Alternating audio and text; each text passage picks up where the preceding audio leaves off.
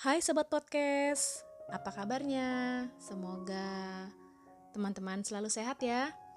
Kali ini kita lanjut lagi di episode ke-10 dengan judul atau topik pertemanan di tantangan 30 hari bersuara dari thepodcaster.id. Hmm, kali ini Mila mau cerita apa ya? Suara hati Mila mau menceritakan tentang pertemanan. Aku, kamu, dan kalian semua pasti memiliki teman atau sahabat. Sebuah pertemanan atau sebuah persahabatan suatu saat pasti akan mengalami ujian. Ujian itu bukan pada saat kondisi kamu dalam keadaan aman, sehat ataupun gembira, tetapi pertemanan atau persahabatan sejati akan terlihat manakala kamu dalam keadaan kondisi sedang diuji, terpuruk, dan merasakan sakit. Di situlah kita memang benar-benar butuh seorang teman, dan itu akan memerlukan pembuktian apakah kita akan menjadi teman yang baik ataupun hanya teman di saat-saat tertentu saja. Ada kalanya teman bisa menjadi kawan ataupun malah menjadi lawan. Ya, begitulah kehidupan. Dan untuk sebuah pertemanan, senyum dan rasa bahagia akan terpancar dari sahabat kita yang hadir membantu. Walaupun bantuan kita hanya dengan sekedar mengirim ucapan menghibur, pada saat dia sakit, rasa empati kita juga berupa doa ataupun support, bahkan sapaan.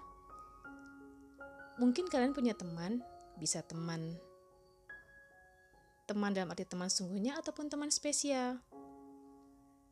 Dengan hal-hal kecil yang kamu lakukan, sudah memberikan kekuatan juga semangat untuk temanmu agar dapat mengatasi masalah yang sedang dihadapinya, dan dia mungkin akan lebih bertahan dan lebih bahagia ketika ada temannya yang benar-benar memperhatikannya dan membuat dia selalu bersemangat untuk menjalani setiap harinya. Itulah pentingnya sebuah persahabatan atau pertemanan di mana uh, pertemanan memang bisa membuat kehidupan kita menjadi lebih bahagia dan ketika kita membutuhkan seseorang untuk berbagi